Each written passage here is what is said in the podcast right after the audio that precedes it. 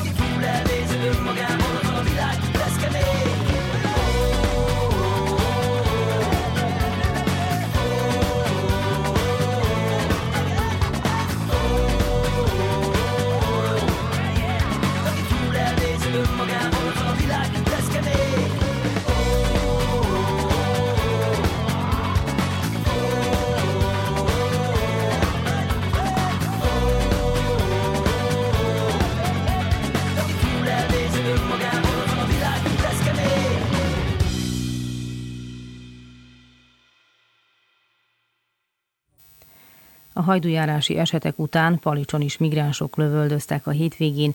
A fegyveres összetűzés délelőtt történt a szűk központ közelében. Zorai Évát hallják. Vasárnap délelőtt ismét leszámolás történt az illegális bevándorlók között. Ezúttal Palicson a Kossuth Lajos utcában szólalkozott össze két migráns. A veszekedést követően lövöldözni kezdtek. Egyikük súlyosan megsérült. Őt a Szabadkai Közkórházban látták el, állapota kritikus.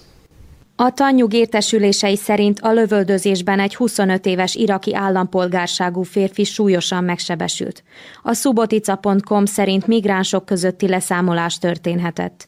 A szabadkai hírportának a helybeliek azt nyilatkozták, hogy korábban is voltak lövöldözések, de soha nem a településen, hanem bent az erdőben, távol a lakosoktól. Az a ház, ahol a lövöldözés történt, úgy vélik, hogy a migránsok szállás helyéül is szolgál, a hírportálnak nyilatkozók elmondták, hogy a rendőrség 10-15 személyből álló csoportot vezetett ki a házból, de voltak, akik a rendőrség megérkezése előtt elmenekültek. Hajdujáráson csütörtökön este a keddi rendőri intézkedés után újabb falugyűlést tartottak. Zorai hallják. A hajdujár elégedettek az akcióval, de szeretnék, ha ezek gyakoribbak lennének. Ugyanis elmondásuk szerint a migránsok folyamatosan érkeznek az északbácskai település környékére. A taxisok ugyanúgy hordják tovább őket. Szerintem ez, ezeket az akciókat fokozni kellene minden másnapra legalábbis a taxisokat folyamatosan ellenőrizni. Ön biztonságban érzi magát? Nem, továbbra sem. Egy kis változás van, tehát valamennyivel kevés ezek a migránsok az erdőnél, de napi szinten látjuk, hogy a taxisok jönnek mindig, és viszik oda a migránsokat ki az erdőszélére. Mikor a temetőnél a Podrumpalisnál dolgozunk, lássuk minden nap, hogy több taxi megy, tíz taxi csoportokban mennek. És legfontosabb lenne ezt megoldani, hogy az engedélyt vagy elvenni tőlük, vagy valamilyen törvényel ezt megszabni, hogy ők ne mozoghassanak így a migránsokkal. Ha ne bírják vinni taxival őket, ne bírják idehozni, és akkor mindjárt ők is nehezebben mozognának kifelé az erdőbe. És ez, ha meg lenne oldva, szerintem ez egy első lépés lenne. Milyen a rendőri jelenlét most hajdójáráson? Hát pillanatlag van, tehát mennek ők a, arra már mennek a migránsok, ugye néznek ők szét, de, de nem mondhatnám azt, hogy most olyan, mint az akció volt. Tehát ilyen akciók, amiket csináltak, sokkal több kellene legyen. Tehát ennek van hatása, és ezt tartana tovább is, mert ők össze vannak kötve biztos más emberekkel, és elmennek, visszajönnek. És az nem megoldás végső. Tehát nem a, nem a migránsokat kell elvinni innen, hanem azok, akik ide hozzák, azokat kell megállítani a probléma nincs megoldva. Tehát ez végleges nem megoldás. A szabadkai rendőrfőnök részletesen beszámoltak akciós sikeréről, és elmondta, hogy folyamatosan dolgoznak a helyzet rendezésén. Majd hozzátette, a rendőrség hatásköre sem terjed ki mindenre. A taxisok és a buszsofőrök pedig teljesen legálisan szállítják utasaikat. Igor Velimirovics rendőrfőnök. Prevozi transport putnika ne propisuje obavezu az utasszállítás nem írja elő, hogy a sofőröknek kötelessége ellenőrizni az utas kilétét, vagy a származását igazoltatni. Amikor valaki jegyet vált, teljesen legálisan utazik.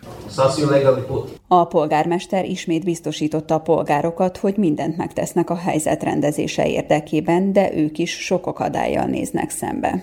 Stevan Bakic polgármester. Ők egymással együttműködve a szántóföldeken, a mellékutakon érkeznek a városba. A rendőrség ellenőrző pontokat állít fel, amiket a taxisok mind elkerülnek, mintha tudnák, hogy azok pontosan hol vannak felállítva, de nem adjuk fel, tovább fogunk küzdeni. A polgármester a falugyűlésen elmondta, ha túlságosan radikális lépéseket tesznek a migránsokkal szemben, annak komoly következményei lehetnek. Nem tudni, mennyire veszélyes emberek lehetnek közöttük. Svaki radikalan potez jedne strane povlači radikalan potez druge strane. Može da nam se obije o glavu i upravo i vama i svima. Miután a hajdújárási bajzák Edvard kért szót, hogy elmondja, egy dokumentumot szeretnének továbbítani az elnöknek, amelyet a polgármesternek is alá kellene írnia. Bakics közölte, hogy egy másik helyszínen van jelenése. A dokumentumot nem írta alá, és nem is vette át.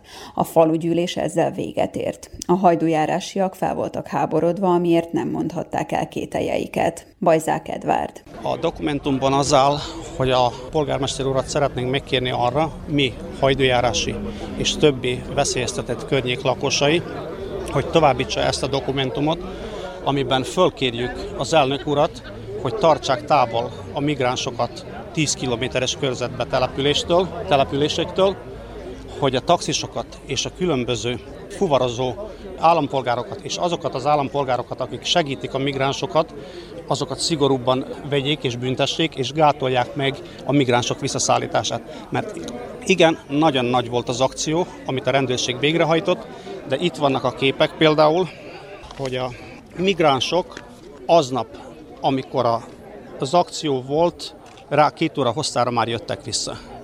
Itt vannak például a fölvételek, a taxisok, taxiból szállnak ki a migránsok. Ez egy ugyanaz az autó, itt a taxis például, ugye, és ezt szerettük volna az államelnök felé eljuttatni, hogy a kérésünknek te, tegyen eleget, hogy a taxisok ne hordhassák tovább a migránsokat. Sajnos, amint a, a rendőrfőnök úr mondta, a rendőrségnek nincsen lehetősége arra, hogy meggátolja ezt, mivel a törvény szerint a taxit mindenki használhatja. A hajdójárásért mit tesznek, amennyiben nem történnek változások? Abban nem folynak bele, hogy mit teszünk, mit nem teszünk, de valószínű, hogy az emberek vannak itt, akik, akik vállalják, tenni fogunk valamit. Bajzák a továbbiakban elmondta, a dokumentum mellé felvételeket is csatoltak arról, ahogyan a keddi akciót követően néhány órával már érkeznek vissza a migránsok hajdójárásra.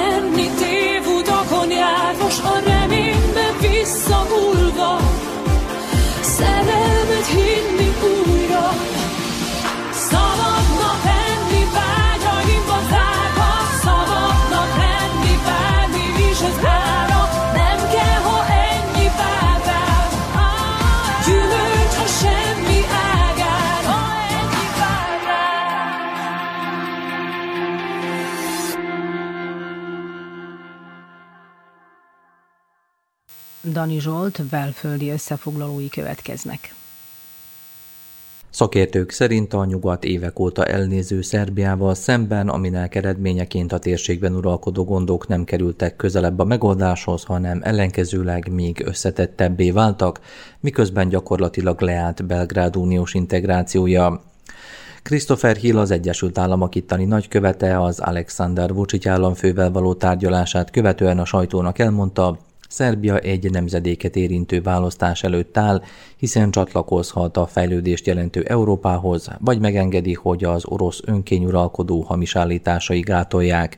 Hill annak a meggyőződésének adott hangot, miszerint Szerbia nyugati irányultsága túlmutat a politikán.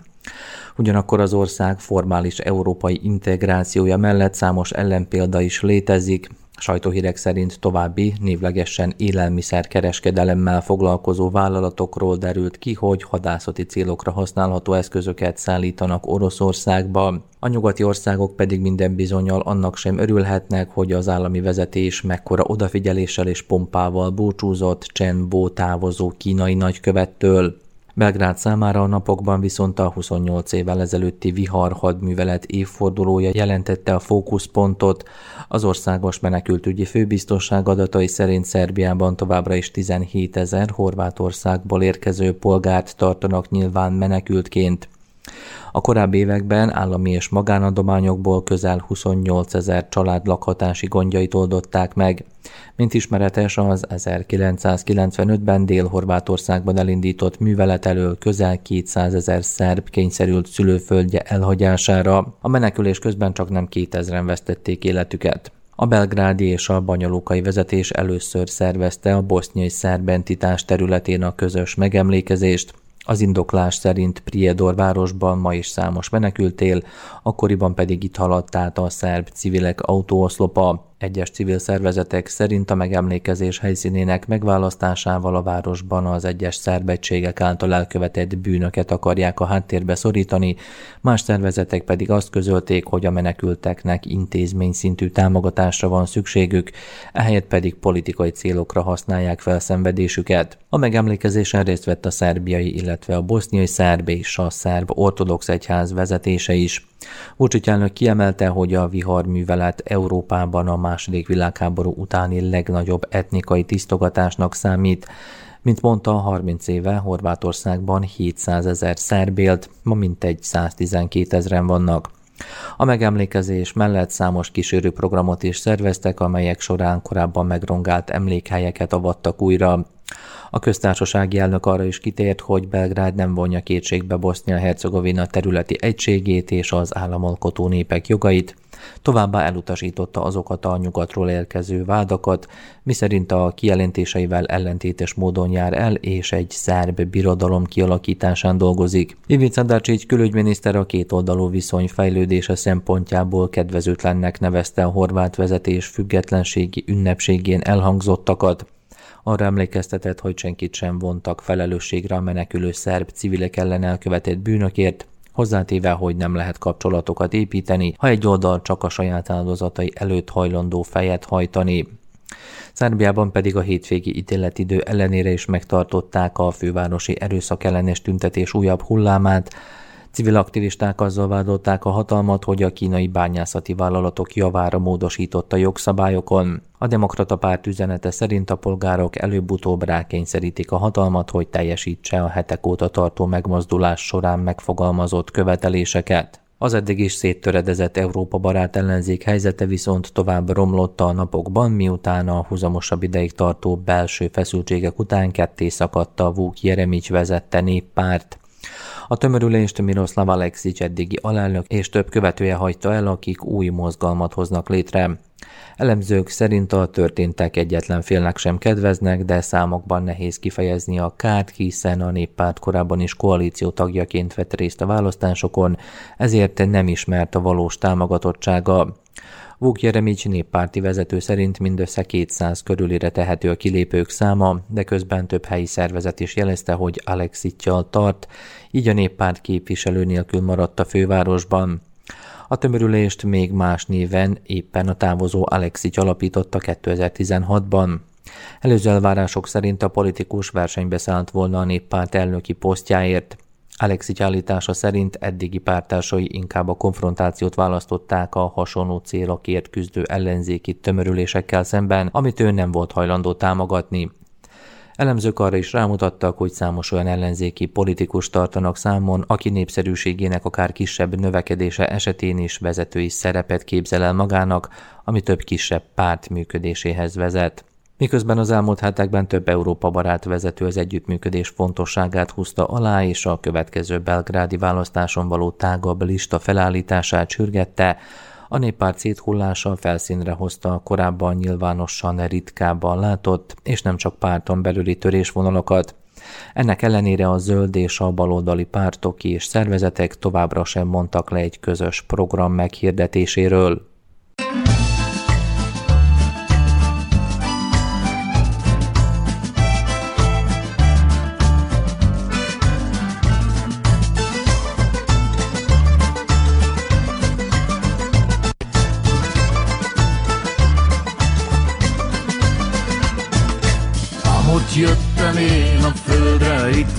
Maradtam mindörökre Megszerettem, amit kaptam, szívem ide láncolt. Néha el is fenekeltek, megöleltek, felemeltek. Barátomnak azt fogadtam, aki velem táncol.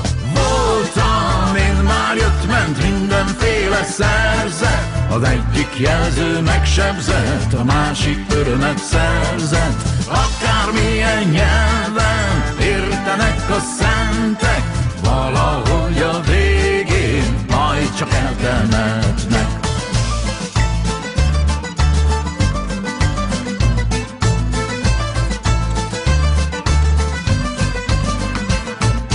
Itt teremnek a szép lányok, mindegyiknek megbocsátok, ha üljön a másolébe, ha a kedvet tartja.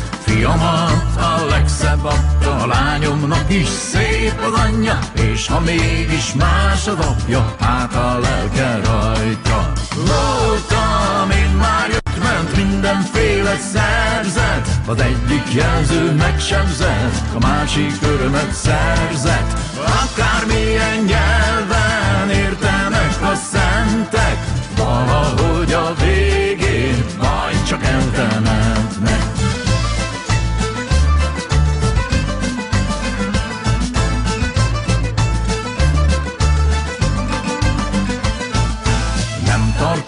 senkinek se, vagy ha mégis elfelejtse, megkapja a túlvilágon, őrzi azt az ördög.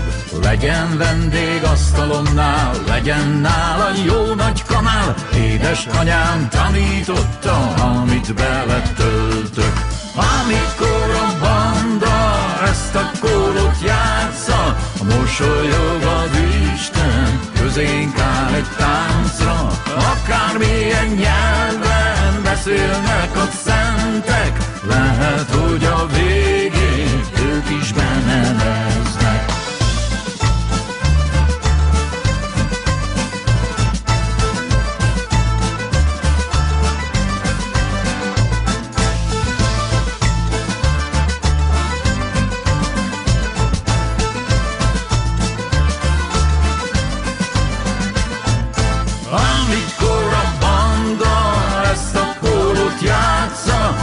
mosolyog az Isten, közénk áll egy táncra, akármilyen nyelven beszélnek a szentek, lehet, hogy a végén ők is beneveznek.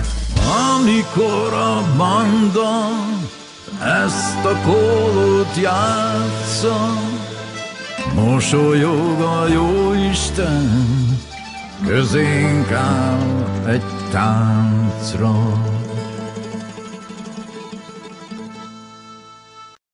Miután csak nagyon lassan csillapodik a legújabb észak-koszovai válság, több tucatnyi amerikai és európai politikus közös levélben próbálta álláspont változtatásra bírni a nyugati vezetőket. A levélről azaz Alice Kearns brit törvényhozó tájékoztatta a nyilvánosságot, aki korábban Szerbia ellenes kijelentésekről vált ismerté térségünkben. A dokumentum szerint jelenleg nem létezik egyensúlya Belgrádhoz és Pristinához való hozzáállásban. A brit politikus asszony úgy látja, hogy Szerbiára nem gyakorolnak elegendő nyomást és nem büntetik provokációit. A koszovai kormány természetesen üdvözölte a levél tartalmát, hiszen, mint ismeretes, a szerbek lakta északi községekben kialakult krízis után az Európai Unió kizárólag a pristinai vezetéssel szemben foganatosított bizonyos büntető intézkedéseket. Anna Bernabics kormányfő megítélése szerint egy ilyen levél létezése azt bizonyítja, hogy Albin Kurti koszovai kormányfő továbbra is élvezi a nyugat támogatását a béke veszélyeztetéséhez. A kormányfő arra emlékeztetett, hogy Kerns képviselő azon kevés politikus közé tartozik, akit a nemzetközi békefenntartó erők cáfoltak meg, miután fegyvercsempészettel vádolta meg a szerb egyházat, ezért a brit törvényhozó nem számít hiteles politikusnak, mondta Brnabic. Belgrádban nagy visszhangot keltett egyes ukrajnai törvényhozók kijelentése, miszerint arról igyekeznek meggyőzni a kievi vezetést, hogy ismerje el Koszovó függetlenségét, vagy fontolja meg a bizonyos szintű ottani diplomáciai képviselet megnyitását, válaszol arra, hogy Pristina minden kérdésben kiáll Ukrajna mellett. Alexander Vucic elnök szerint az ukrán vezetés tisztában van azzal, hogy jogi formában saját megszállt területeiről mondana le, ha így cselekedne.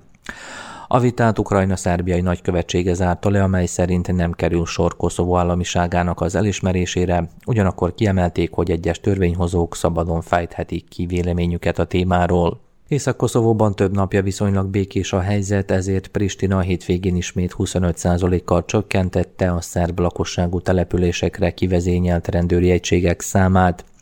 Előzőleg az uniós közvetítőkkel való tárgyalást követően vonták ki a csapatok egy negyedét. A Koszovai Központi Választási Bizottság pedig megismételte, hogy az illetékesek döntését követően készen állnak megismételni a négy községben tartott választást, mint ismeretes a szerbek bolykotja miatt a térség polgárainak két-három százalékát kitevő albánok juttattak polgármestereket a hivatalokba.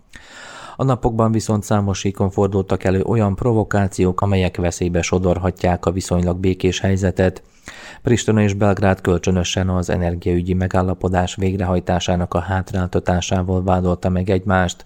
A koszovai kormány kimondottan érdekelt a kérdés lezárásában, hiszen az északon élő szerb polgárok évek óta nem fizetnek az elhasznált villanyáramért. A feszültségeket fokozta a koszovai szerbek legnagyobb politikai képviselete, a szerb listapárt egyik illetékesének az ingatlanja elleni támadás is, amely során robbanó szerkezetet használtak. A szerb lista közben olyan vádakkal szembesült, hogy tagjainak egyre nagyobb mértékben biztosít munkahelyet a szerbiai rendszer részeként működő oktatási intézményekben. Koszovóban két hónapja van érvényben az a rendelet, amelyel ismét megtiltották a szűkebb Szerbiából származó áru importját, és növelték a más országokból származó behozatalt. Ennek eredményeként a szerbek lakta térségben csökkent az ellátás aránya, több helyen gyógyszerhiány kialakulása fenyeget, a Mitrovicai Klinikai Központ pedig válságosnak nevezte a készletek állapotát. A normalizációt az is hátráltathatja, hogy ismeretlenek Mitrovicánál betörtek egy pravoszláv templomba, az ilyen támadások eddig is rendszeres gyakorisággal történtek.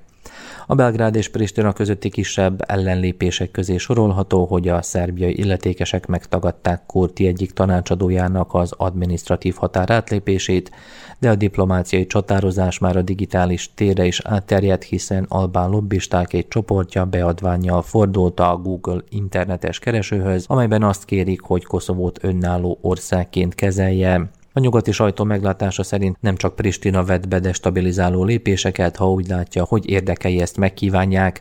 A német média szerint Belgrád gyakran a belpolitikai kihívások kezelésére használja fel a Koszovóban élő és konfrontációra készen álló nemzettársait. Belgrád pedig várhatóan a jelenleg felkínált kedvezményekért cserében nem hajlandó lemondani koszovói pozíciójairól, hangoztatták.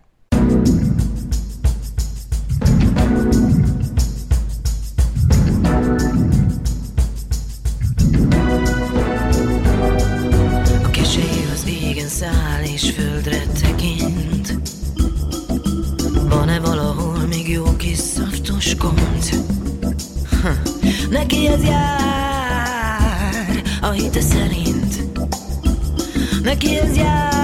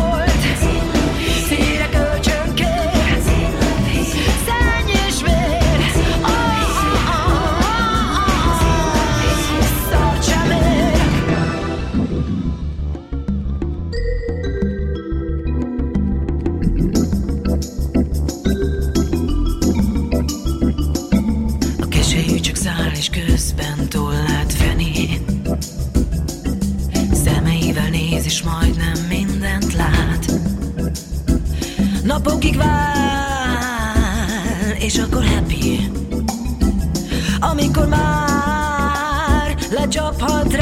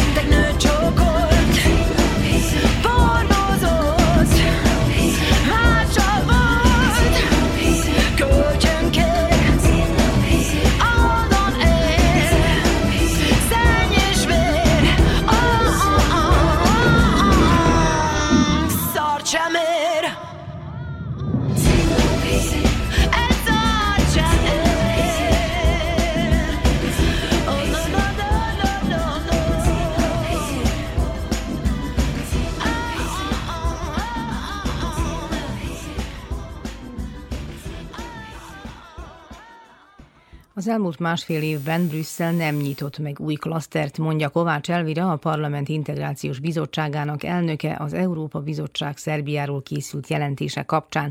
Zórát Cservenyák Anetta ért el telefonon.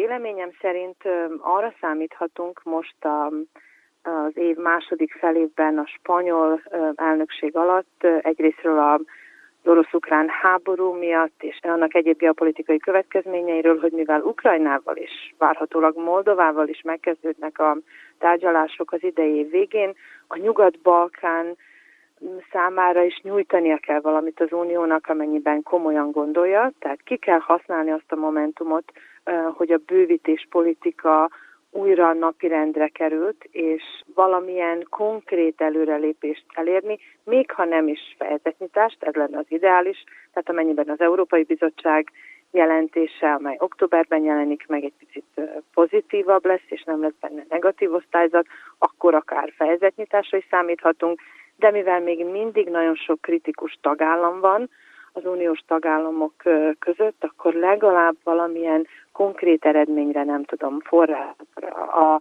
szabad piachoz való hozzáférésre, hogy valamit, amivel tényleg jutalmaznák Szerbiát, illetve az egész Nyugat-Balkán. Sajnos ebben a pillanatban nem igazán látjuk a fényt az alagút végén, ha bár valami csak történt az elmúlt időszakban, mert a nyugat-balkáni tagállamok közül többen egy picit előreléptek, tehát legalább elindult a tárgyalás Albániával, illetve Észak-Macedóniával, illetve Bosznia is megkapta tagjelölti státusát. Montenegróban politikai krízis volt a legutóbbi választások után, talán kilábaltak belőle. Szerbia van hát legrégebb óta folyamatban, és igen mélyen, de ha azt mondom, hogy nincs konkrét előlépés, ez valóban azt jelenti, hogy az elmúlt másfél évben nem történt újabb fejezet csoportnyitás. Leghamarabb idén decemberben történhet ilyen. Az Európai Bizottság jelentése már két ízben megírta, hogy Szerbia készen áll a hármas klaszter megnyitására, de elsősorban mondom az orosz-ukrán háború miatt és a amiatt, mert Szerbia még mindig nem vezette be szankciókat Oroszország ellen. Nagyon sok olyan tagállam van, akik kritikusak, és ezt nem hagyták jóvá. Tehát ezért kell az elmúlt időszakban arra fektetni a hangsúlyt, hogy nem csak az uniós intézményeket, konkrétan a, a bizottságot győzegetjük, hanem a tagállamoknak kell megérteniük Szerbia specifikus helyzetét.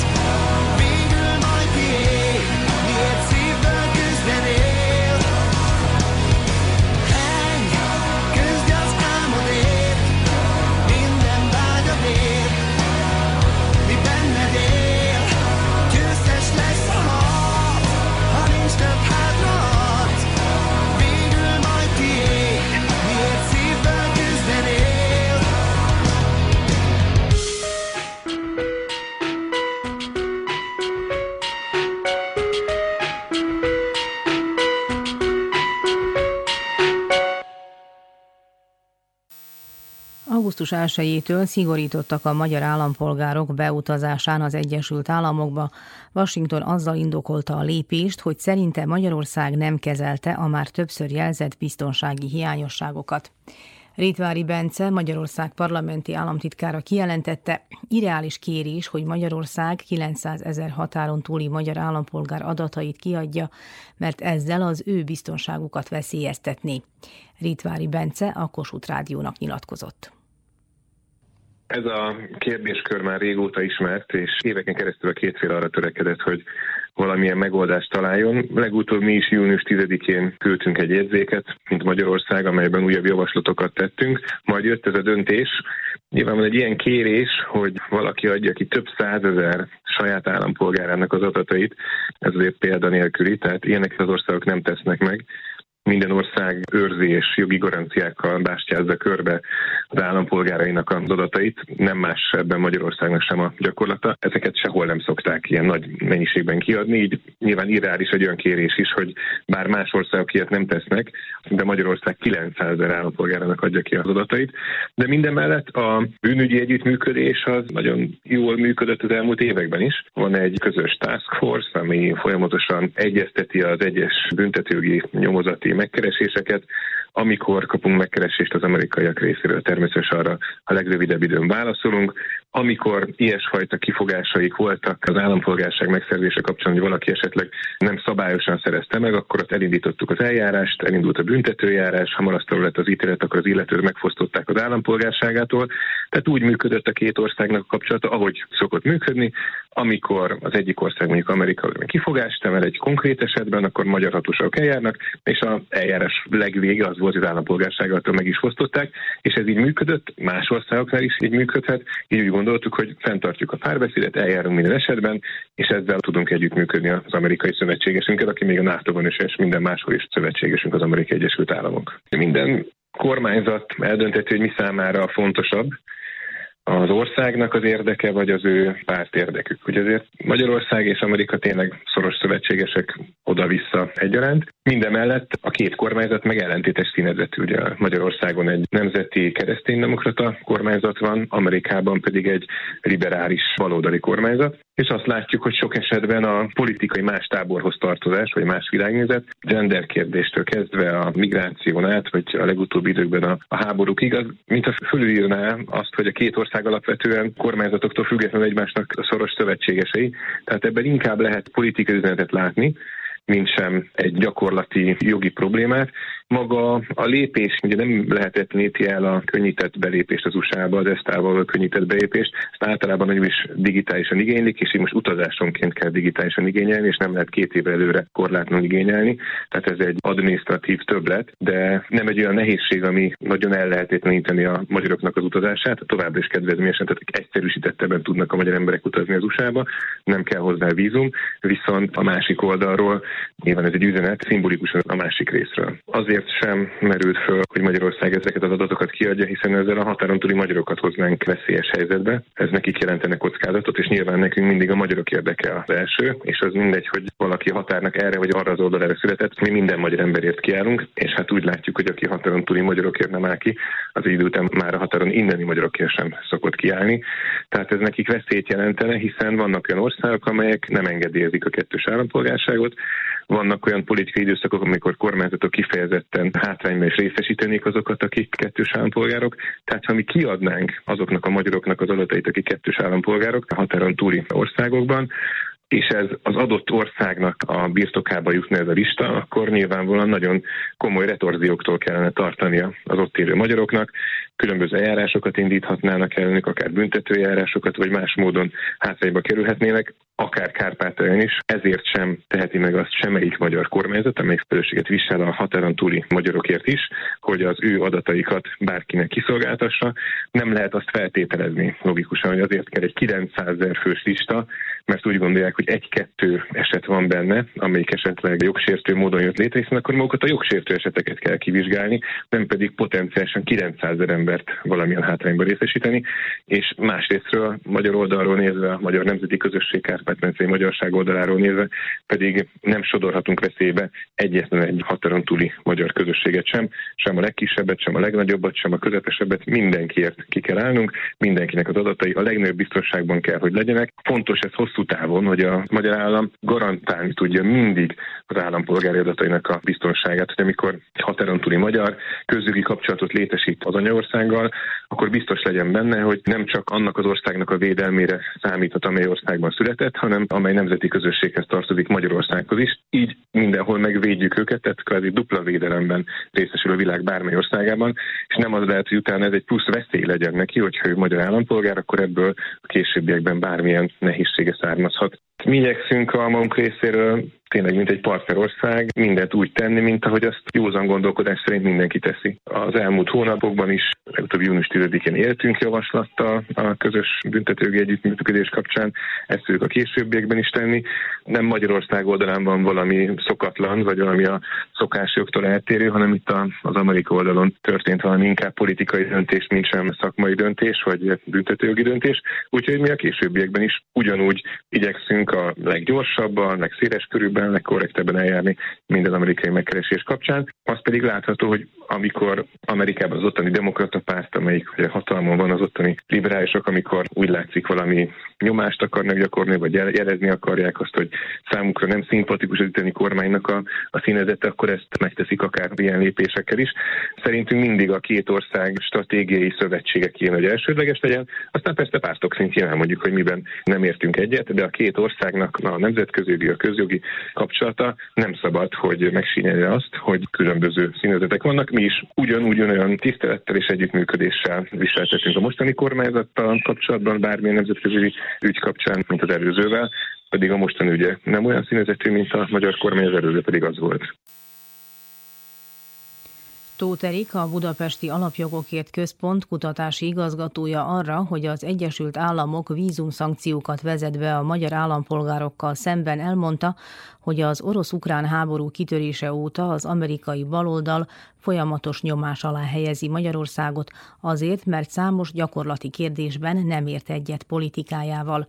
Tóth Erik az M1 televízióban nyilatkozott szigorítás vagy korlátozás attól függ, hogy honnan közelítjük meg. Egészen pontosan azt jelenti, hogy ugye az Amerikai Egyesült Államok az ESTA rendszer bevezetésétől kezdve lehetővé teszi azt a programban résztvevő országok számára, hogy az egyes állampolgáraik beutazás céljából 90 napos időtartamon át az Amerikai Egyesült Államok földjére beléphessenek és ott tartózkodhassanak, kizárólag két okból, üzleti vagy turisztikai célból, tehát ez munkára vagy tanulásra például nem felhasználható jogosultságot ad.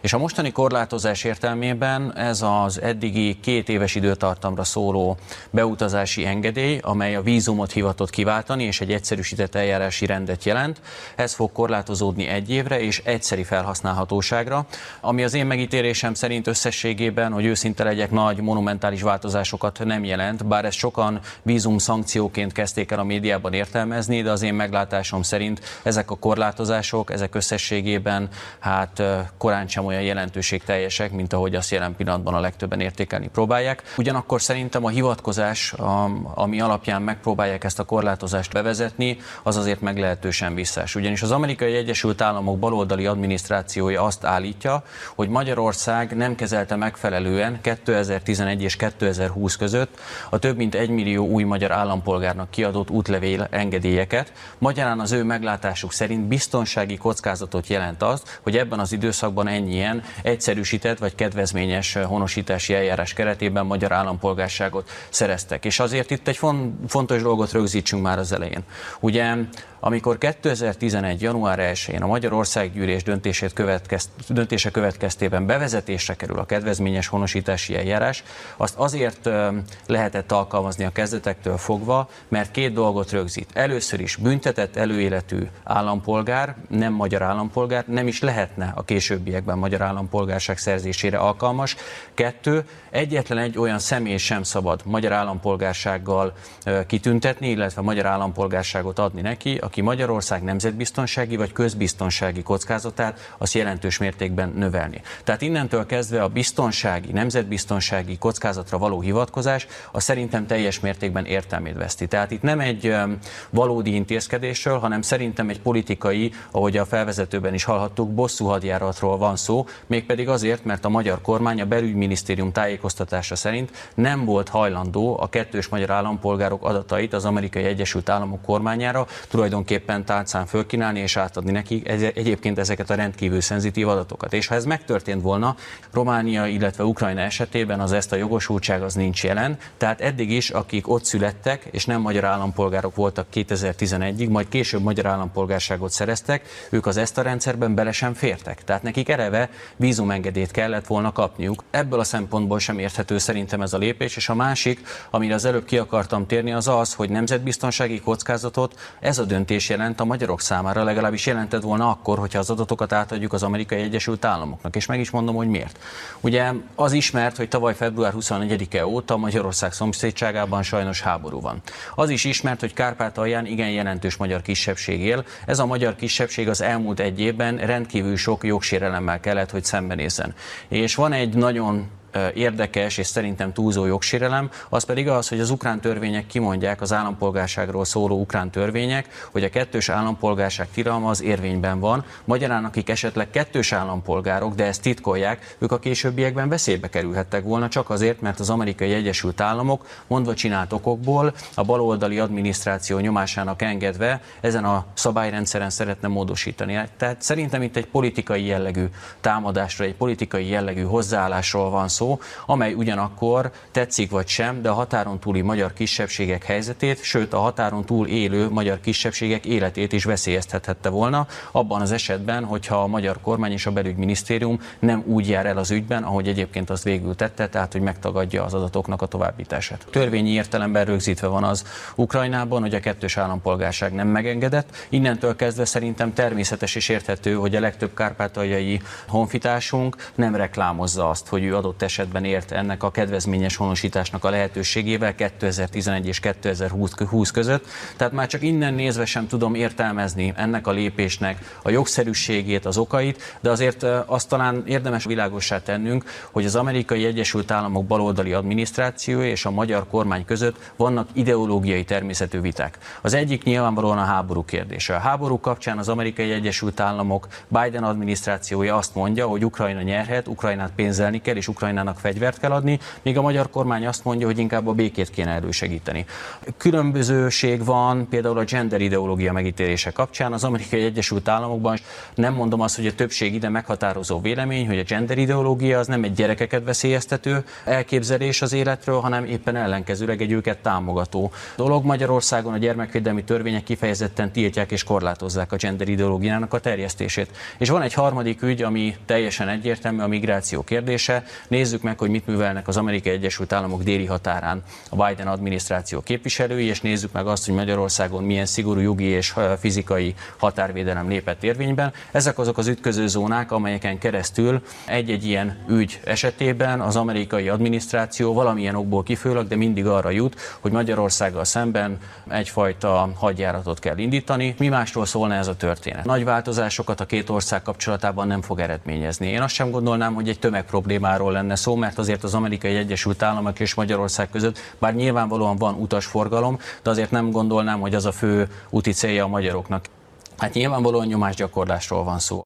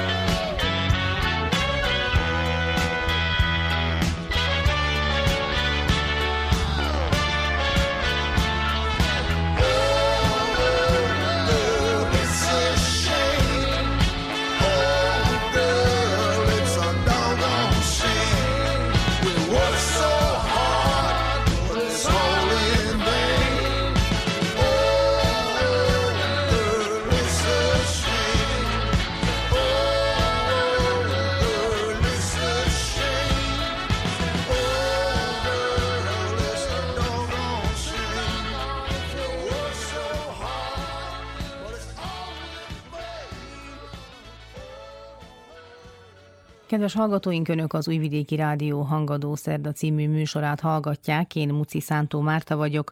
Külpolitikai rovatunkban Szaúd-Arábia diplomáciai presztízs építésének kérdésével foglalkozunk. A muzulmán ország jelentős politikai összejövetelek házigazdájaként, de már a sportvilágában való beruházásaival is jelentősebb nemzetközi szerepet próbál kialakítani. Márton Attila újságírót Danisolt kérdezte.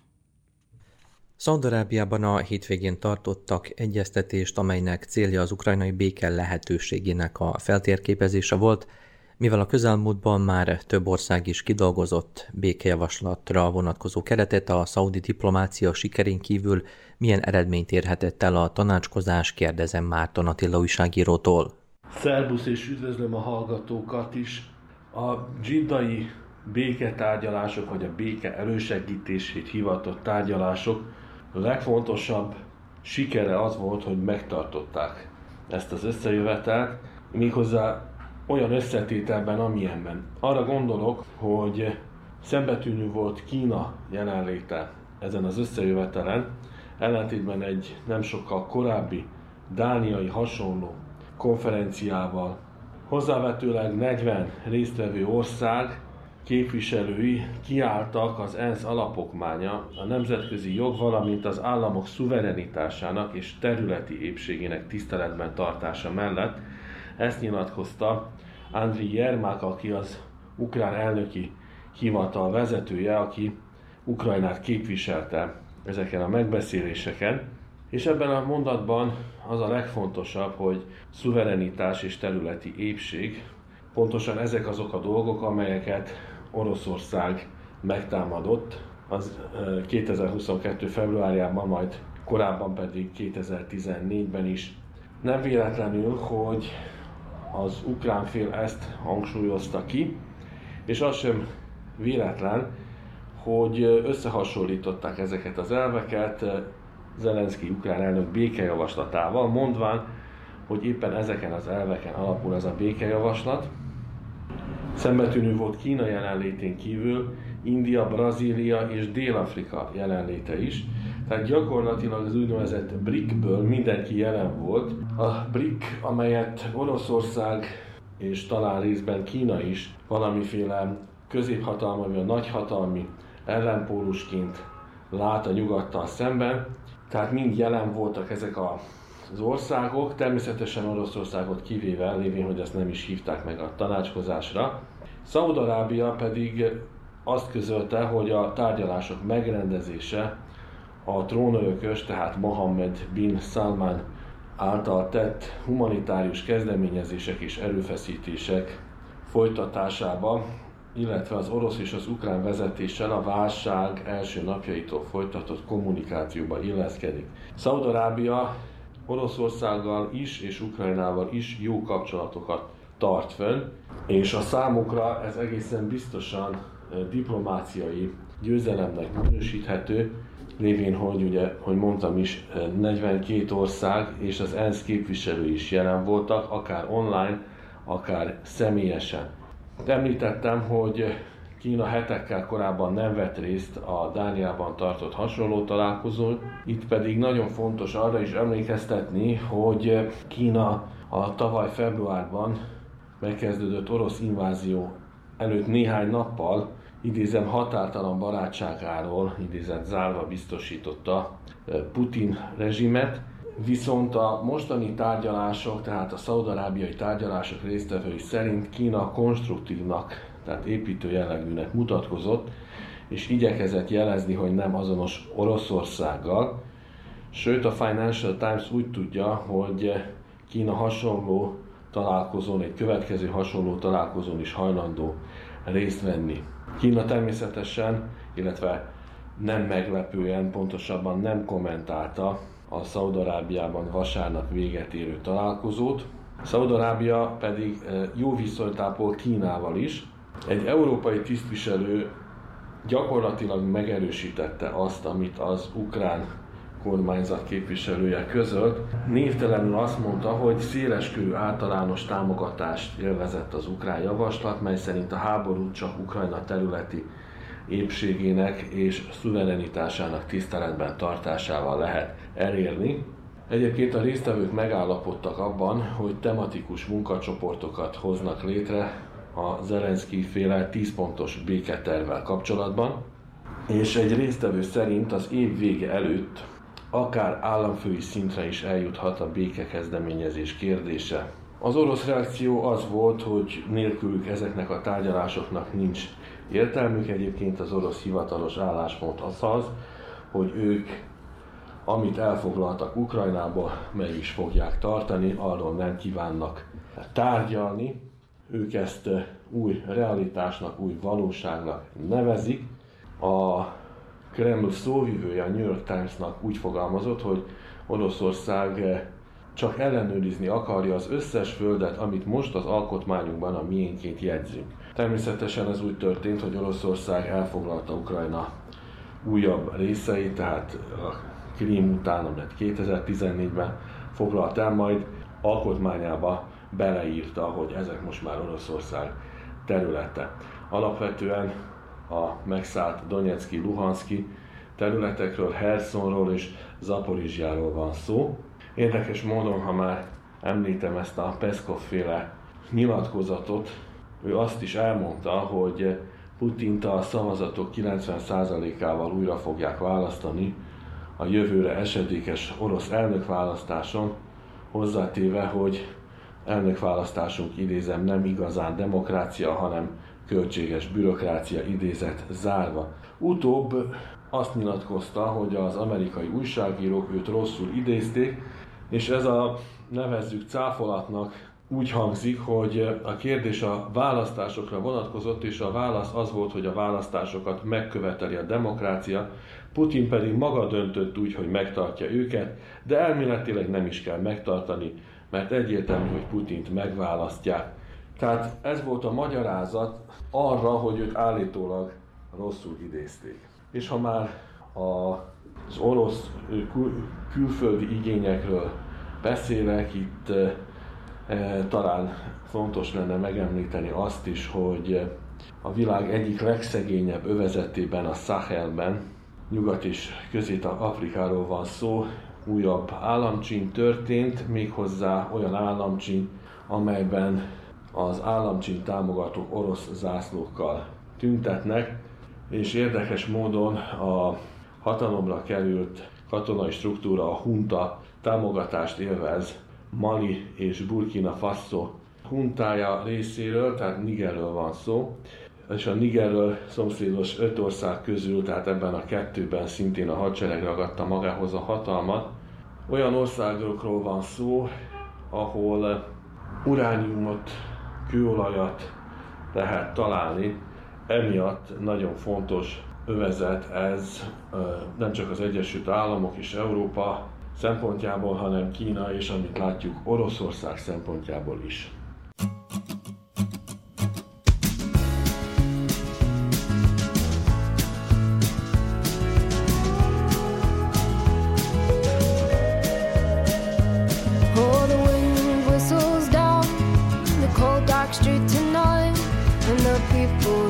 dancing to the music vibe. And the boys, just the girls with the curls in their hair, while the shot to men just sit way over there. And the songs they get louder, each one better than before. And you're singing the songs, thinking this is a life. And you wake up in the morning and your hip is twisted sides. Where you gonna go? Where you gonna go? Or where you gonna sleep tonight? And you're singing the songs is alive. And you wake up in the morning and your hip is the sides Where you gonna go, where you gonna go? Or where you gonna sleep tonight? Where you gonna sleep tonight?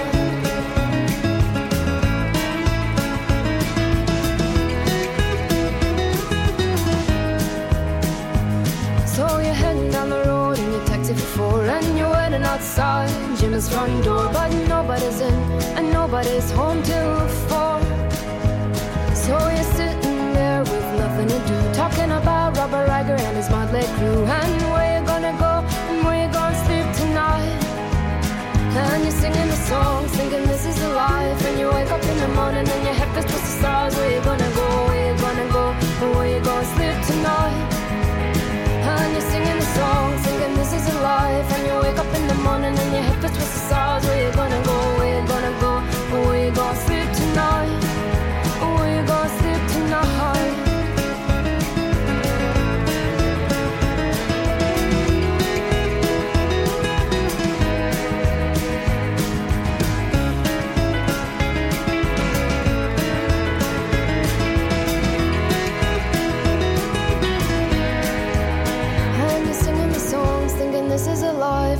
And your head feels towards the stars. Where you're gonna go, where you're gonna go, where you're gonna sleep tonight.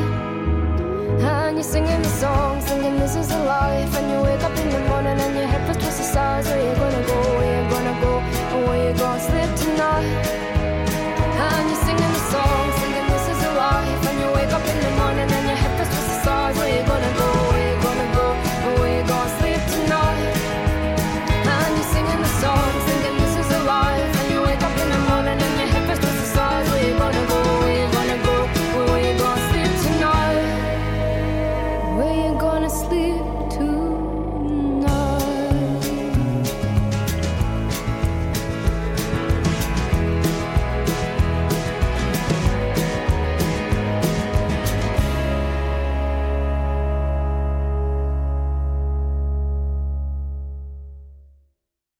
Nem volt véletlen a béketárgyalás helyszíne, hiszen, mint azt többször is hallani lehetett, a vezetés jó viszonyt ápol számos hatalommal. A mostani tanácskozás akkor beleillik a szaudi külpolitika új globális szerepének kiépítésére vonatkozó tervekbe és erőfeszítésekbe? Július utolsó napjaiban érkeztek hírek arról, hogy aktívan folynak tárgyalások az Egyesült Államok és Szaúd-Arábia között, méghozzá a szaudi-izraeli kapcsolatok rendezéséről. Szaúd-Arábia ezek szerint a hírek szerint védelmi garanciákat, korszerű amerikai fegyverekhez való hozzáférést kért az amerikaiaktól, sőt segítséget is az úgymond békés célú szaudi nukleáris program beindításához. Tehát a fő kérdés az az, hogy a szaudarábiai iráni kiegyezést követi-e a szaudi-izraeli kiegyezés. 2020-ban az, az úgynevezett Ábrahám megállapodással új fejezet kezdődött az izraeli-arab kapcsolatokban, ugyanis Izrael kiegyezett akkor az Egyesült Arab Emírségekkel, Bahreinnel, Marokkóval és Szudánnal, és akkor is már beszéltünk róla abban a műsorokban korábban, hogy már fölmerült az a kérdés, hogy sor kerülhet-e a Szaudarábiával való rendezésre, ugyanis Szaudarábia a térség egyik legerősebb szereplője, Irán ellenpólusának számít, számított, de talán ma is annak számít, annak ellenére, hogy enyhült a kétoldali viszony, és alapvetően az iszlám valószínűleg legfontosabb globális központjáról van szó. Ha Izrael valamiféle megállapodásra jutna nyíltan a szaudarábiai rendszerrel, annak messzeható következményei lehetnének. Fölröppentek tehát néhány hete olyan hírek, vagy nevezzük plegykáknak, amelyek szerint Szaudarábia komolyan fontolgatja Izrael elismerését. Biden amerikai elnök óvatosan fogalmazott, viszont szinte biztosnak tűnt már néhány hete, hogy a kérdésről elindultak az egyeztetések ebben a háromszögben, amelyet Szaudarábia, az Egyesült Államok és Izrael alkot.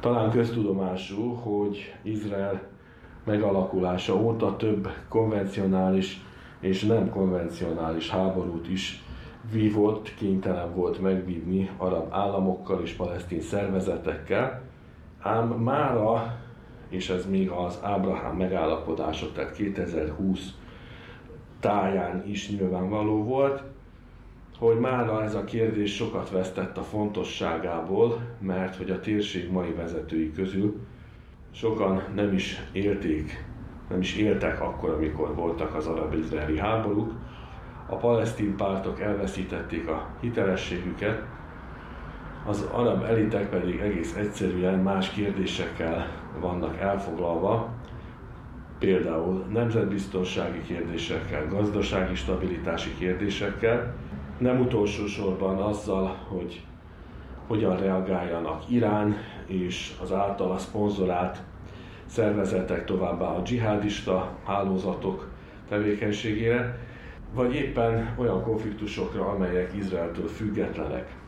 Ahogy már utaltam rá, szinte nyílt titoknak volt mondható, hogy Izrael együttműködik egyes arab országokkal, majd ezt ugye nyilvánosságra is hozták 2020-ban, de az is nyílt titoknak számít, hogy van valamiféle együttműködés Izrael és Szaudarábia között, méghozzá éppen a közös ellenségkép miatt, amelyet sokáig Irán jelentett Szaudarábia szempontjából is, valamint az együttműködésből adódó lehetséges gazdasági előnyök miatt biztonságpolitikai párbeszédekről volt szó, és sokan úgy gondolják, hogy a sokszor említett Ábrahám megállapodások sem történhettek volna meg 2020-ban, hogyha Szaudarábia erre nem adott volna zöld utat, ugyanis az Egyesült Arab Emírségek még természetesen önálló Szaudarábiától, de a szaudarábiai rendszertől igencsak függő viszonyban levő Bahreinről ezt nem lehet elmondani. Hogy lesz-e ebből a közeljövőben valami, az egyáltalán nem vehető biztosra, ugyanis Izrael történelmének legjobboldalibb, sokak szerint szélső jobboldali kormánya vezeti. Ugyanakkor az Ábrahám megállapodást a Trump adminisztráció köttette meg, és akkor a Trump kormányzattól mindenki kapott valamit azért cserébe, hogy elismerje Izraelt. A Biden kormányzat viszont már nem ígért fűtfát a különféle arab országok kormányainak, emiatt talán a számukra kevésbé lehet vonzó a rendezés Izraellel. Arról is lehet szó például, hogy vannak olyan arab kormányok, amelyek kivárják, hogy Trump visszatérjen az elnöki székbe, vagy valaki hozzá hasonló. Így nem meglepő, hogy Biden elnök 2021-es évi beiktatása óta nem is lehetett sokat hallani a kérdésről. Természetesen az is egyértelmű volt, hogy Trump a miképpen a balkáni rendezési igyekezetével, úgy a közelkeleti rendezési igyekezetével is a saját igencsak megtépázott tekintélyét próbálta növelni, és az is egyértelmű, hogy a Biden adminisztráció sokkal inkább elvi alapon állt hozzá ezekhez a kérdésekhez, és Szaudarábiát inkább egy eh, problematikus országként fogja föl, amelynek a rezsimje megszegi az emberi jogokat, külföldön megöleti a politikai ellenfeleit, miatt inkább kénytelen erőködésnek tűnt az, amikor Biden puhította Szaudarábia iránti viszonyon, mint őszinte pálfordulásnak.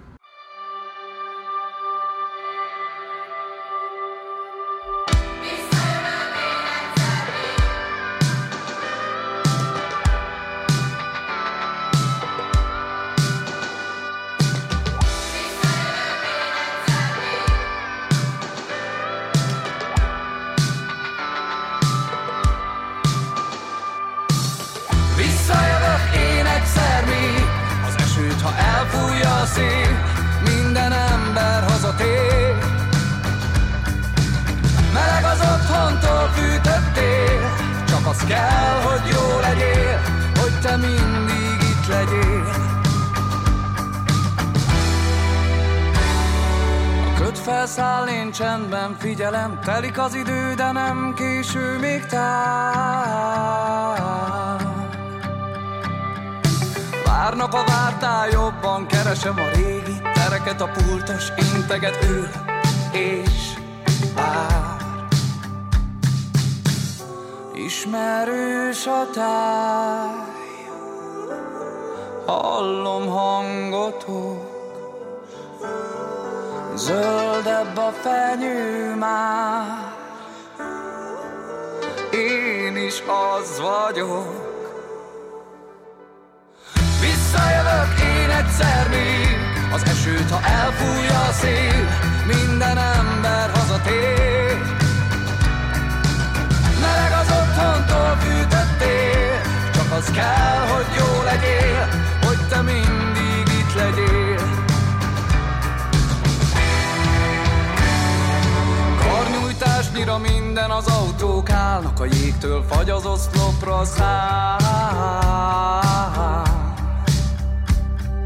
Szép ide, szép oda Miklóson, nem játék a medve, nem táncol, csak ül és vár. Ismerős a táj, hallom hangotok, Zöldebb a fenyő már Én is az vagyok. Jó reggel! Erősen indított az idei tél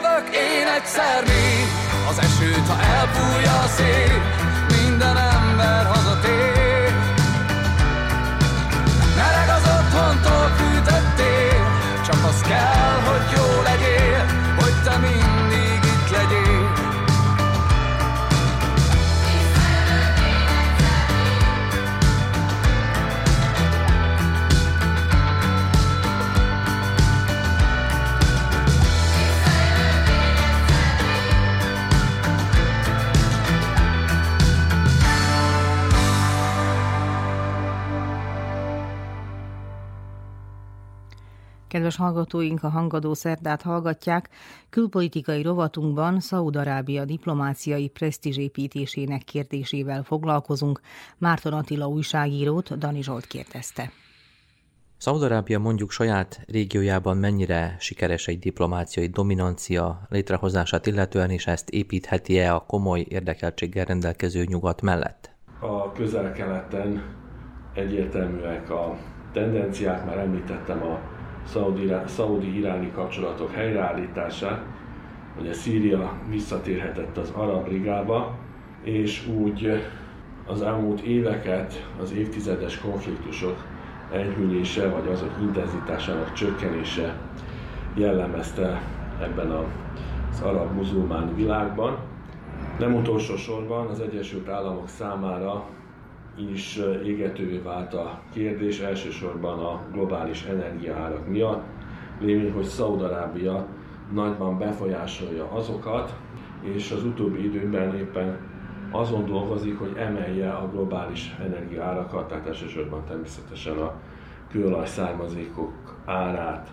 De nem mondható, hogy nem történik semmi Amerika és a közel-kelet viszonyában, ugyanis tavaly júliusban amerikai koordináció mellett sikerült Egyiptomnak, Szaudarábiának és Izraelnek megállapodnia két vörös-tengeri szigettel kapcsolatban, amelyeket Egyiptom visszaadott Szaudarábiának, Izraelt pedig be kellett vonni ezekbe a megbeszélésekbe, mert az 1979-ben köttetett egyiptomi-izraeli béke megállapodás a szigeten nemzetközi békefenntartók állomásoztatását rendelte el. Szaudarábia ennek a megállapodásnak a keretében engedélyt adott az Indiába és Kínába tartó izraeli kereskedelmi járatok számára a szaudarábiai légtéren való átrepülésre, sőt, voltak hírek, melyek szerint Benjamin Netanyahu izraeli miniszterelnök személyesen találkozott Mohammed bin Salmannal. Az sem kizárt, hogy Szaudarábiának valójában nem is Izraellel szemben vannak követelései, hanem amerikaiakkal akar kereskedni.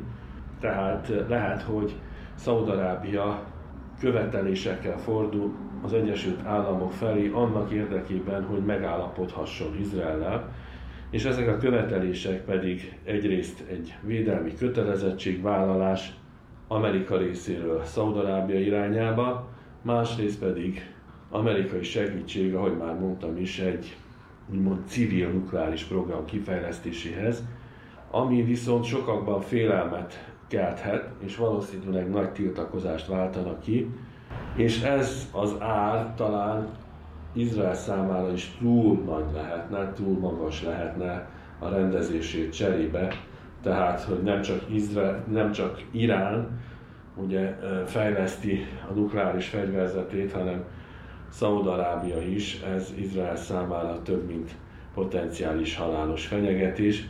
Ugyanakkor az izraeli vezetés, melyet Netanyahu személyesít meg, számára nagy győzelem lenne bármiféle megállapodás Szaúd-Arábiával, teszem azt nyílt megállapodás, mert ugye az Ábrahám szerződések óta eltelt pár év alatt úgymond sikerülne teljesen átalakítani Izrael pozícióját a térségben.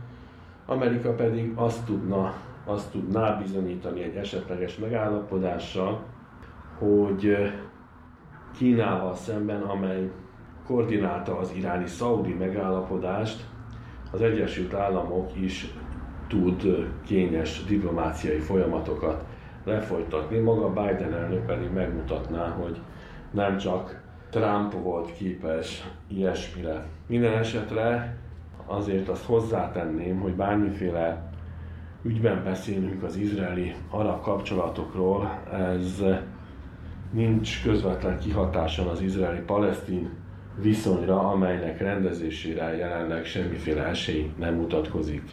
Az elmúlt időszakban sokak számára talán a politikai síktól érdekesebb témakörben is időszerű Szaudarábia gazdasági diplomáciája, ez pedig a sport szférája. Az arab ország itt is előre kitervelt folyamatot valósít meg? Igen, Szaudarábia nem csak a diplomáciai mozgásokról vált ismerti az utóbbi hetekben és utóbbi években, tehát azon kívül, hogy a nemzetközi politikai szintéren egyre nagyobb súlyjal bír, a gazdasági szintén eddig is azzal bírt a kőolaj miatt. Szaudarábiában zajlik egy gazdasági forradalom is, amelynek része a sportforradalom.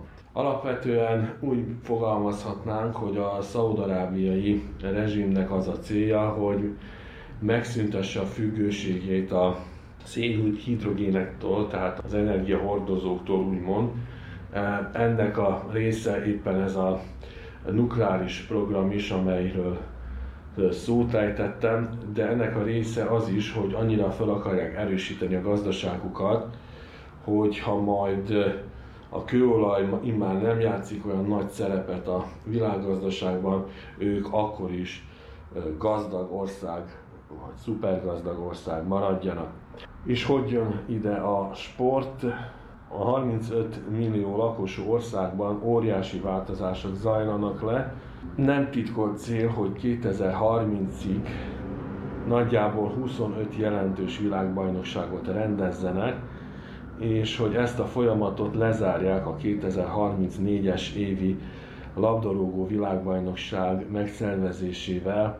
A koronaherceg többször is felbukkant már, tehát a szaudi koronaherceg felbukkant már a FIFA, tehát a Nemzetközi Futballszövetség elnöke Gianni Infantino mellett, és ez a taktika, ami szerint a pénz nem számít, mert pénz van, már bevált Katárnak. Nem véletlen egyébként, hogy amikor a Saudi válogatott a Katari világbajnokság csoportmeccsén legyőzte a később világbajnoki címig jutó argentin csapatot, tehát messziéket, akkor a koronaherceg munkaszüneti napot hirdetett Szaudarábiában, és ez a fociláz, amelyet gerjeszt a rendszer, azóta egyre intenzívebb, lévén, hogy Szaud-Arábia szuverén befektetési alapja, a Public Investment Fund, a PIF, többségi tulajdonjogot szerzett Szaud-Arábia négy legnépszerűbb csapatában, ezek a csapatok nem véletlenül a bajnok Al-Ittihad, ahova Karim Benzema is igazolt, az Al-Hilal, amely például Ruben Neves és Kuribali új klubja, az Al-Ahli, ahova Mendy és Firmino érkezett, és az az Al-Nasr, ahova Cristiano Ronaldo érkezett. A PIF megszerezte az angol Premier League-ben szereplő Newcastle United többségi tulajdonjogát is. Egyébként beszállt a PIFA golf sportba is.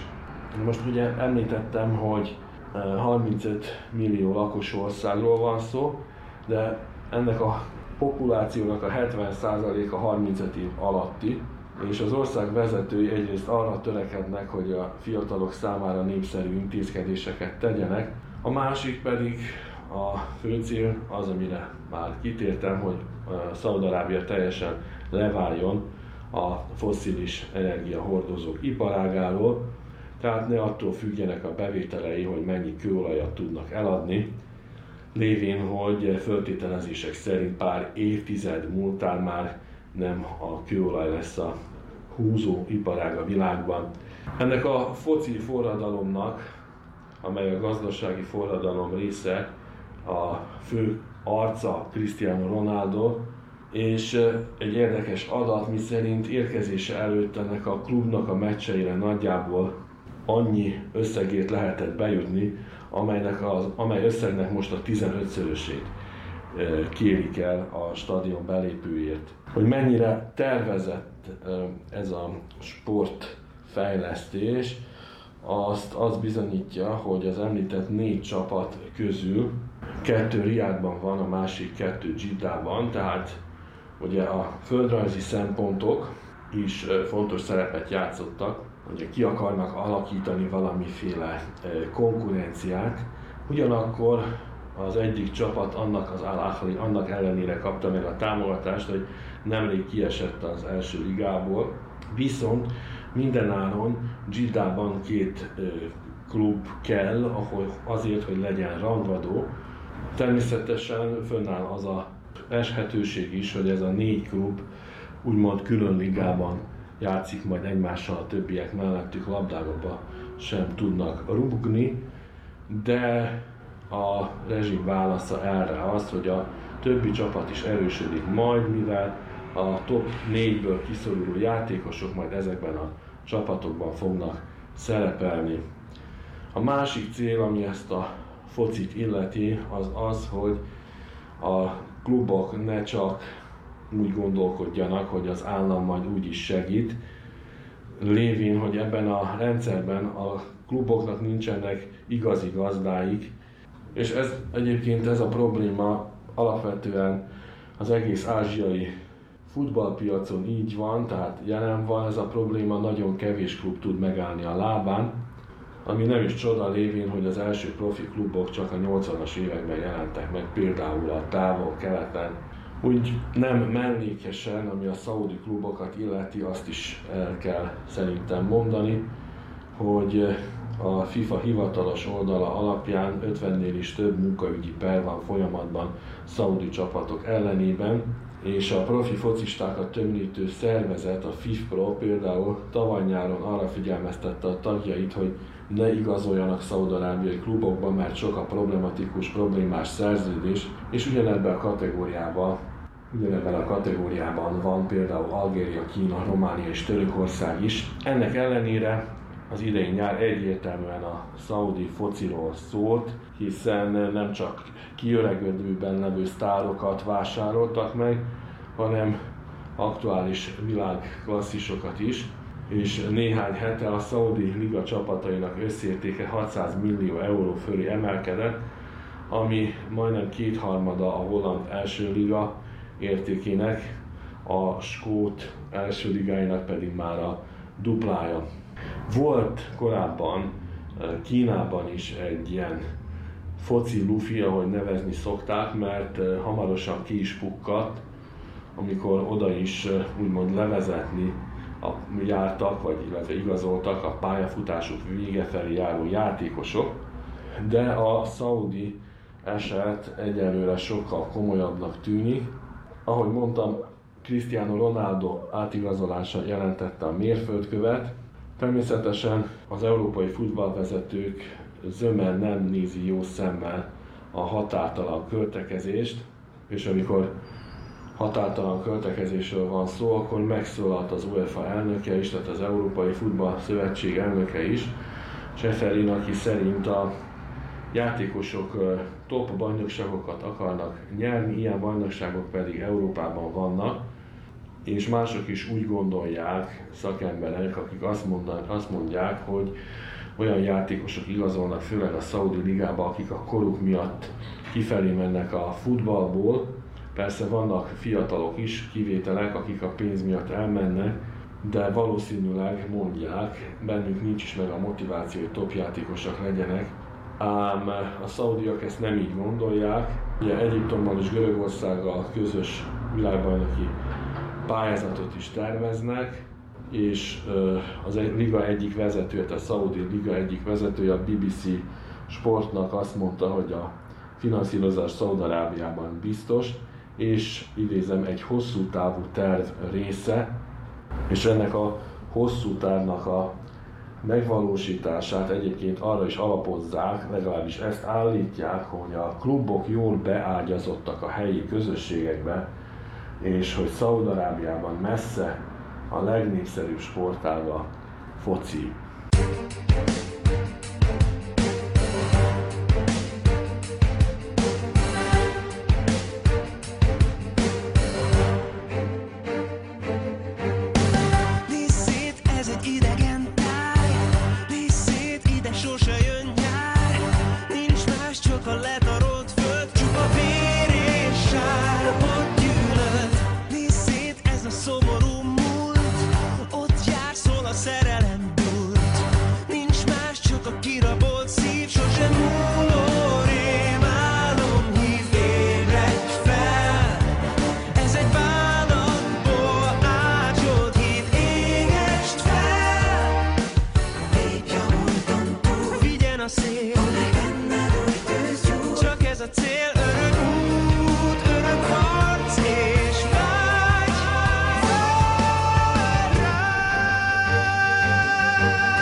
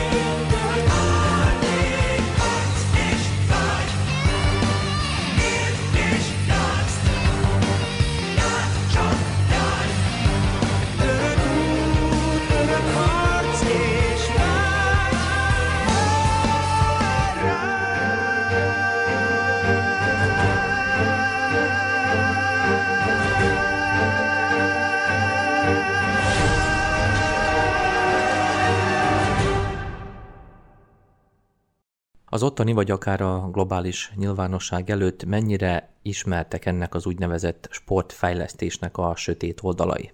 A sportmosásról, a sportwashingról már beszélgettünk egy korábbi műsorban, de nem, talán nem fölösleges elmondani, hogy emlékeztetni arra, hogy a diktatúrák mindig is szívesen pénzelték a sportot.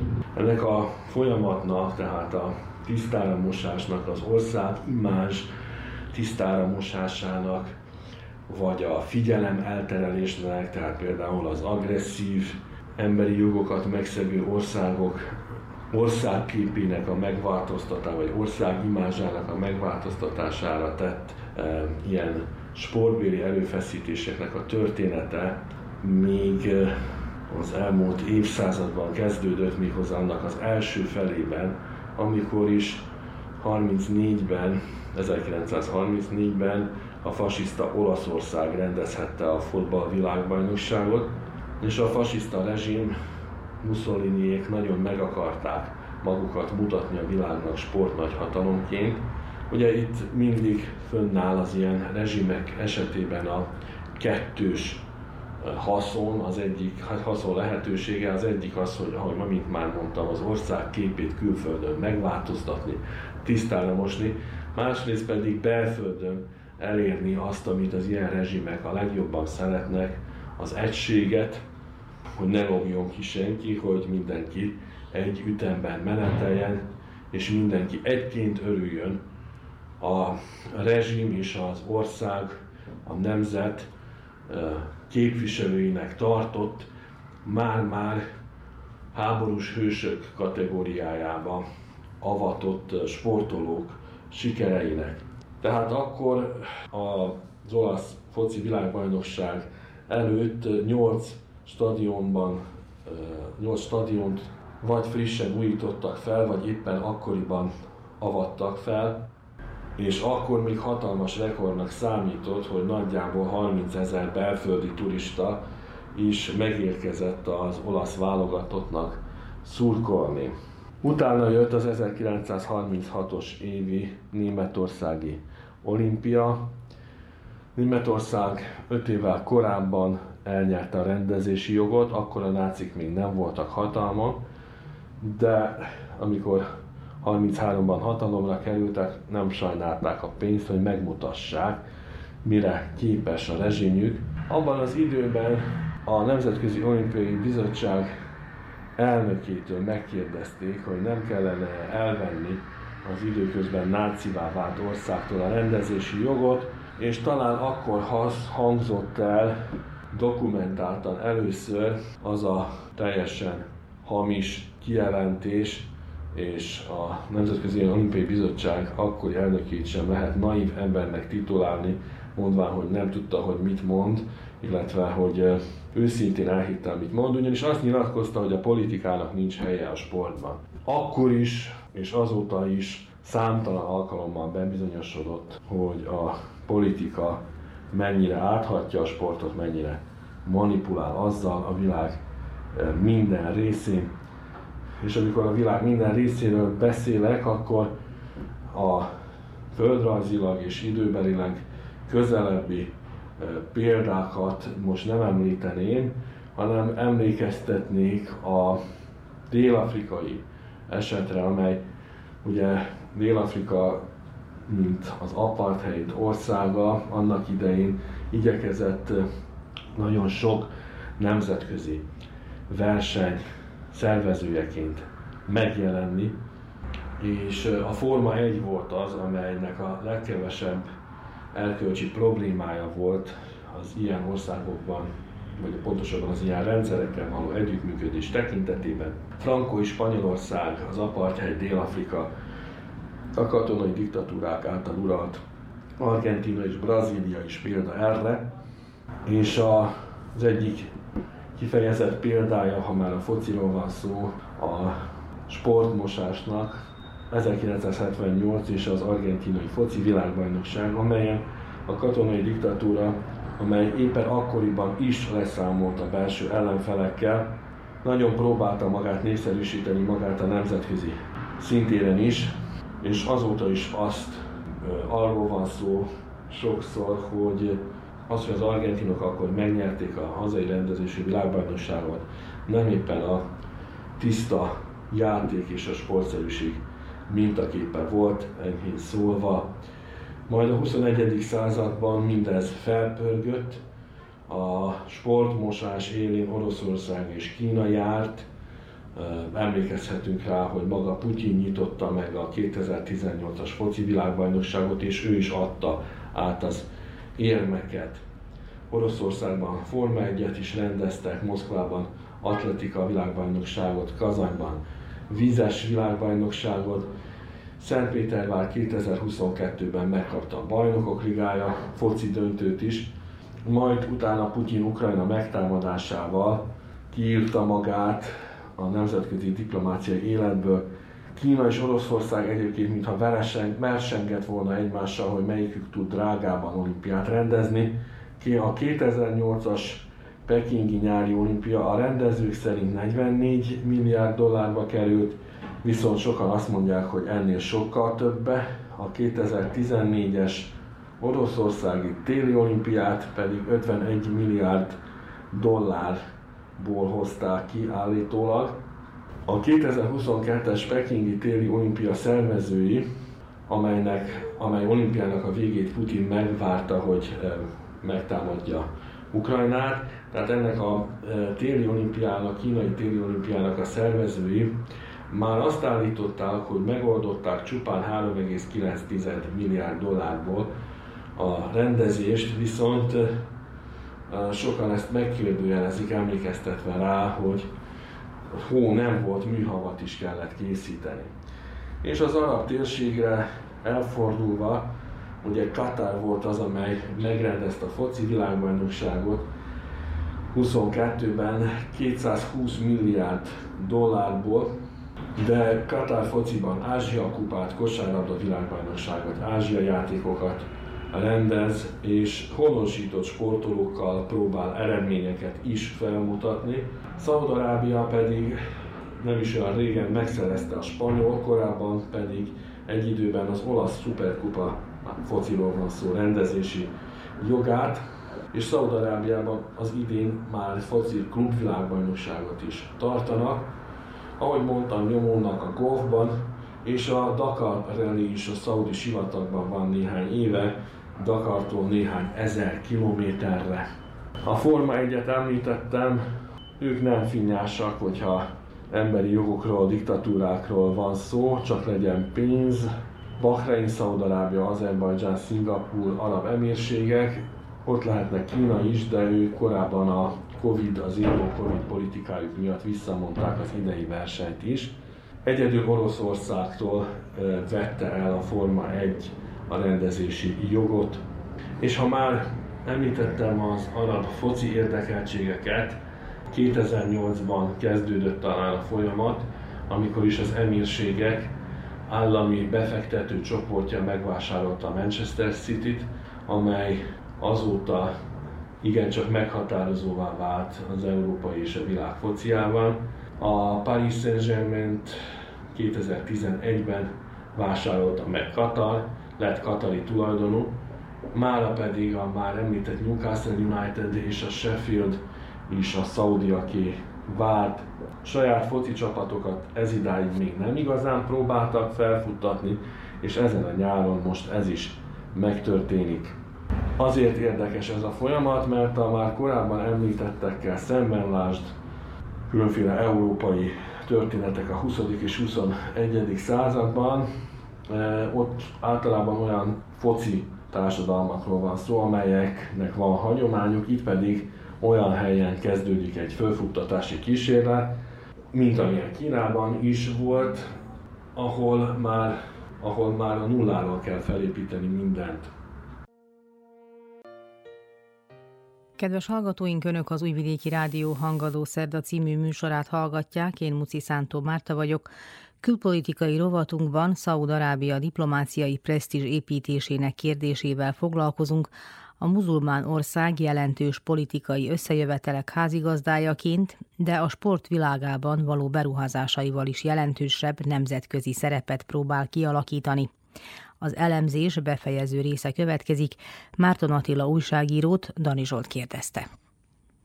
Összegzésül járt-e a közelmúltban kézzelfogható eredménnyel akár a sport, akár a diplomácia terén indított arab kampány? Az idei nyári szaudi sikertörténetnek van egy olyan dimenziója is, amely az iszlámhoz kötődik. Ugyanis a vallás a pénzen, pénz melletti vagy azon kívüli csalogató tényezővé vált. A már említett PIF, tehát szaudarábiai befektetési alap azon kívül, hogy állítólag összeírt egy senki által sem látott 20-as listát a megszerzendő focisztárokról, állítólag összeállított egy olyan listát is, amely azok szerepelnek, akik szintén kiválóak, ráadásként pedig muzulmánok is, és akik a Saudi Profiliga globális arcai lehetnének, ugye figyelembe véve azt is, hogy a világ tíz legjobb bajnokságába vágyik a Saudi Futballliga. Cserébe ezek a futballisták is jól vagy még jobban érezhetik magukat, mint a legnevesebb európai bajnokságokban, hiszen Szaudarábia, ahogy már mondtam is, az iszlám központja, ahol nem csak megtűrik vagy elfogadják a vallásukat, szokásaikat, mint például sok európai országban, hanem az a norma, hogy ugye az iszlám a norma, és egyre több vélemény szerint e hatást alaposan alábecsülték az európai, a jelentősebb európai fociklubok vezetői. A The Athletic nevezetű sportlap arról írt, hogy az iszlám vallás és szokásainak mindennapi elfogadásával és alkalmazásával párhuzamba lehet állítani Szaudarábiát és az Egyesült Királyságot is. Az ománi Ali al-Habsi, aki egykoron négy angol csapatban is védett, azt mondta, hogy a világ legnevesebb stadionjaiban, Londonban a Wembleyben vagy Manchesterben az Old Traffordon is lehetőséget teremtettek neki az imádkozásra, sőt a Premier League, az angol Premier League az alkoholfogyasztást tiltó iszlám tisztelete miatt nem is ad már pesgőt a mérkezés legjobbjának, és hozzátette, hogy bárhol is játszott, figyeltek arra, hogy meglegyen mindene, akár az ételekről, akár az ima időkről volt szó. A Premier League-ben közel fél száz eh, muzulmán játszik, és eh, Ramadán idején azt is bevezették, hogy napnyugtakor a hőségkor megszokott ivópauzához hasonló előszünetet is beiktatnak a bírók, hogy a napközben bőtölő muzulmán labdarúgók magukhoz vehessenek némi energiát. Hollandia is hasonlóan járt el, Németországban a játékvezetőre van bízva a döntés, Franciaországban pedig egyenesen tiltott az ilyen játék megszakítás, és Franciaországban egyébként tiltják a hijab viseletét is a muzulmán vallásos sportoló nőknek, lévén, hogy ugye Franciában továbbra is a 19. századi, illetve 18. század végei nemzet alapító eszmékhez tartják magukat, mi szerint aki francia állampolgár, az francia, és minden francia állampolgárnak ugyanazok a jogai és a kötelességei. Visszatérve a szünetekre, a játék szünetekre nem mellékes dolog az, hogy más szakemberek is azt mondják, hogy egy hídgyakorló muzulmánnak igenis fontos, ha a muzulmán országba szerződhet, és mindent úgy tehet, ahogy a vallása előírja. Természetesen elképesztő pénzeket kínálnak a kiszemelteknek. Szaudarábiában, és nem szeretnék licitálni az összegekkel, de olyasmikről is szó van, hogy akár euró vagy dollár milliók hetente, és így Szaudarábia az utóbbi időben nem csak a külpolitikai sikereiről vált híressé, hanem a sport mosásról, tehát miközben korábban a nők, a kisebbségek tagjainak korlátozása és büntetése miatt emlegették, sikerült, vagy legalábbis úgy tűnik, hogy a közvélemény nagy része előtt sikerült tisztára mosniuk azokat a csúfságokat, amelyeket elkövetnek az emberi jogok területén. És lehet még egy tényező, ami fontos, az pedig az, hogy Szaudarábia otthon akarja tartani a fiataljait, és hogy azt akarja, hogy ne Dubajban, Európában vagy az Egyesült Államokban költsék el a pénzüket, hanem otthon, és ennek a projektnek a része a sportgazdasági úgymond fellendülés is, hiszen ahogy mondtam, pénz van rá.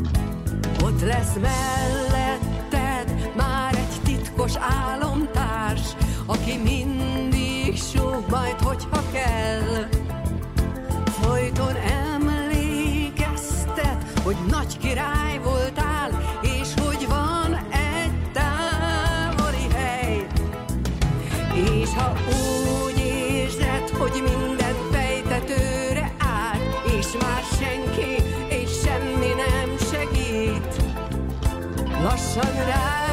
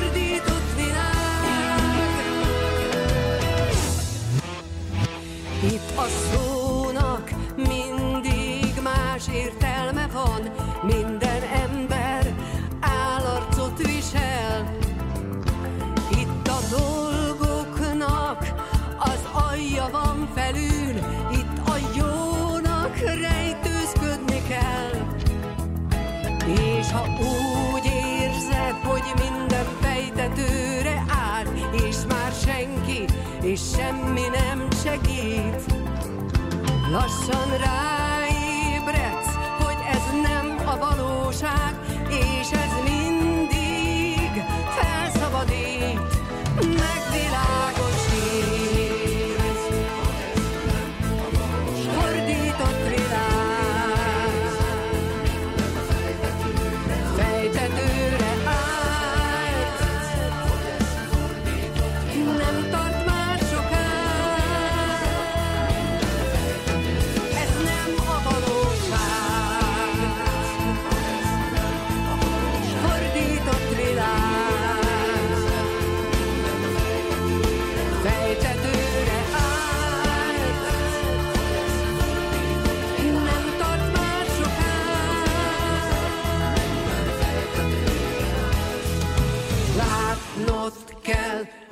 ez nem a valóság. Kedves hallgatóink, ez volt az Újvidéki Rádió Hangadó Szerda című műsora. Új tartalommal egy hét múlva jelentkezünk. A zenei munkatárs Szikora Csaba, a műszaki munkatárs Dragán Márics és Mila Mihnyak voltak. Dani Zsolt és Muci Szántó Márta köszöni megtisztelő figyelmüket.